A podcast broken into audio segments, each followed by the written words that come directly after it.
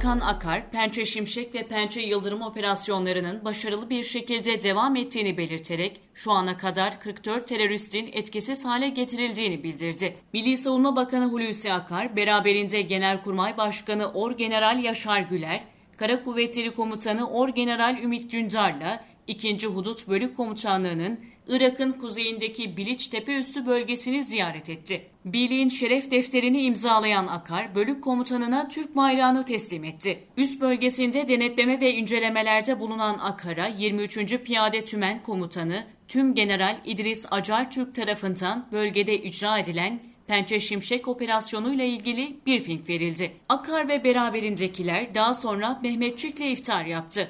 Üst bölgesinde görev yapan askerlere hitap eden Akar şunları söyledi. Burada çok kıymetli görevler yapıyorsunuz.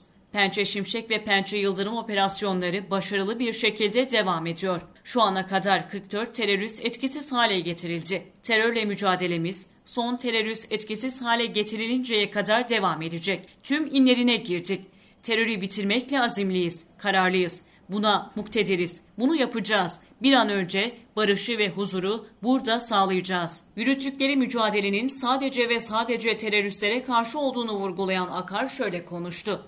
Hiçbir şekilde Kürt kardeşlerimizle, vatandaşlarımızla sorunumuz yok. Tek hedefimiz terörü bitirmek. En son teröristi etkisiz hale getirmek. Dolayısıyla Türklerin, Kürtlerin, Arapların, burada yaşayan tüm insanların kardeş olduğunu, her birinin Türkiye Cumhuriyeti'nin birinci sınıf vatandaşı olduğunu unutmayacağız. Yaptığımız çalışmaları buna göre yapacağız. Buna göre sonlandıracağız. Sizin burada yaptığınız operasyonların başarılı olması için bir taraftan eğitimlerimiz, atış faaliyetlerimiz, tatbikatlarımız devam ederken diğer taraftan da elimizdeki silahların, araç ve gereçlerin en üstün teknolojiye sahip olması için de gece gündüz çalışıyoruz. Sayın Cumhurbaşkanlığımızın liderliği, teşviki ve desteğiyle yerli ve milli savunma sanayi hamlesiyle elimizdeki silahların, araç ve gereçlerin %70'i yerli ve milli oldu. İnşallah bu çalışmalar yoğun bir şekilde devam edecek ve çok daha ileri seviyelere gidecek. Bütün silahlarımız, araç ve gereçlerimiz yerli ve milli olacak.